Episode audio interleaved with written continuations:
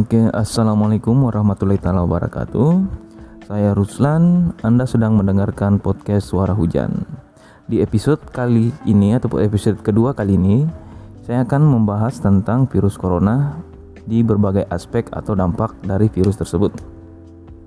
Ya mungkin dari awal corona itu dari mana, gejala coronanya itu bagaimana, dampak pertumbuhan ekonomi karena adanya corona itu seperti apa dan dampak mungkin dari sektor pendidikan dan e, banyak lagi yang kita akan bahas.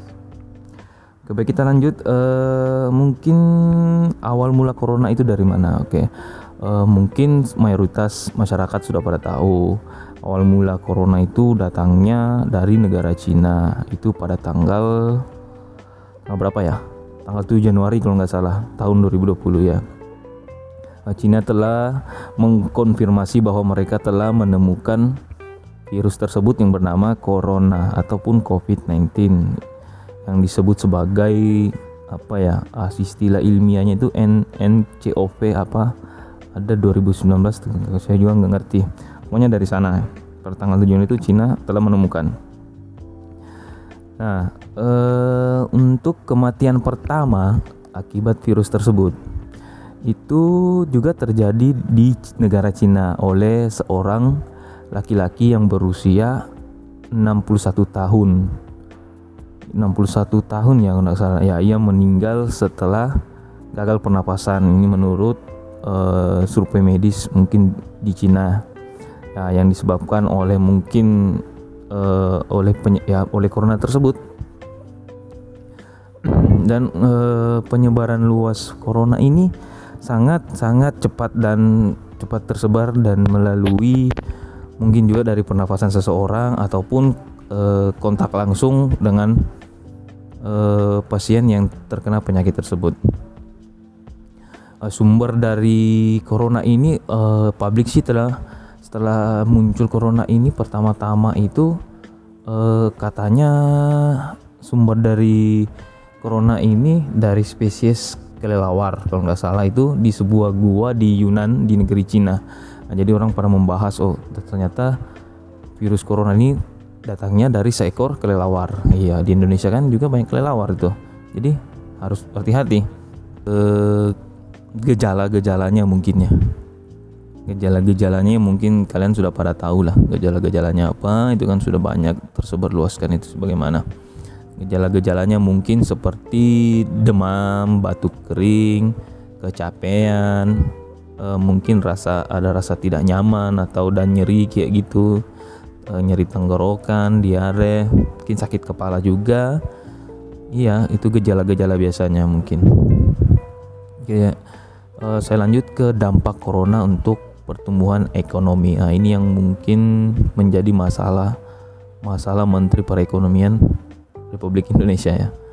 Uh, hampir ya ternyata pada saat corona menyebar luas di negara kita Indonesia ini hampir seluruh sektor terdampak. Ya bukan hanya sektor kesehatan sektor ke ekonomi juga. Dan mungkin juga sektor-sektor kayak pendidikan dan lain-lain lagi ya.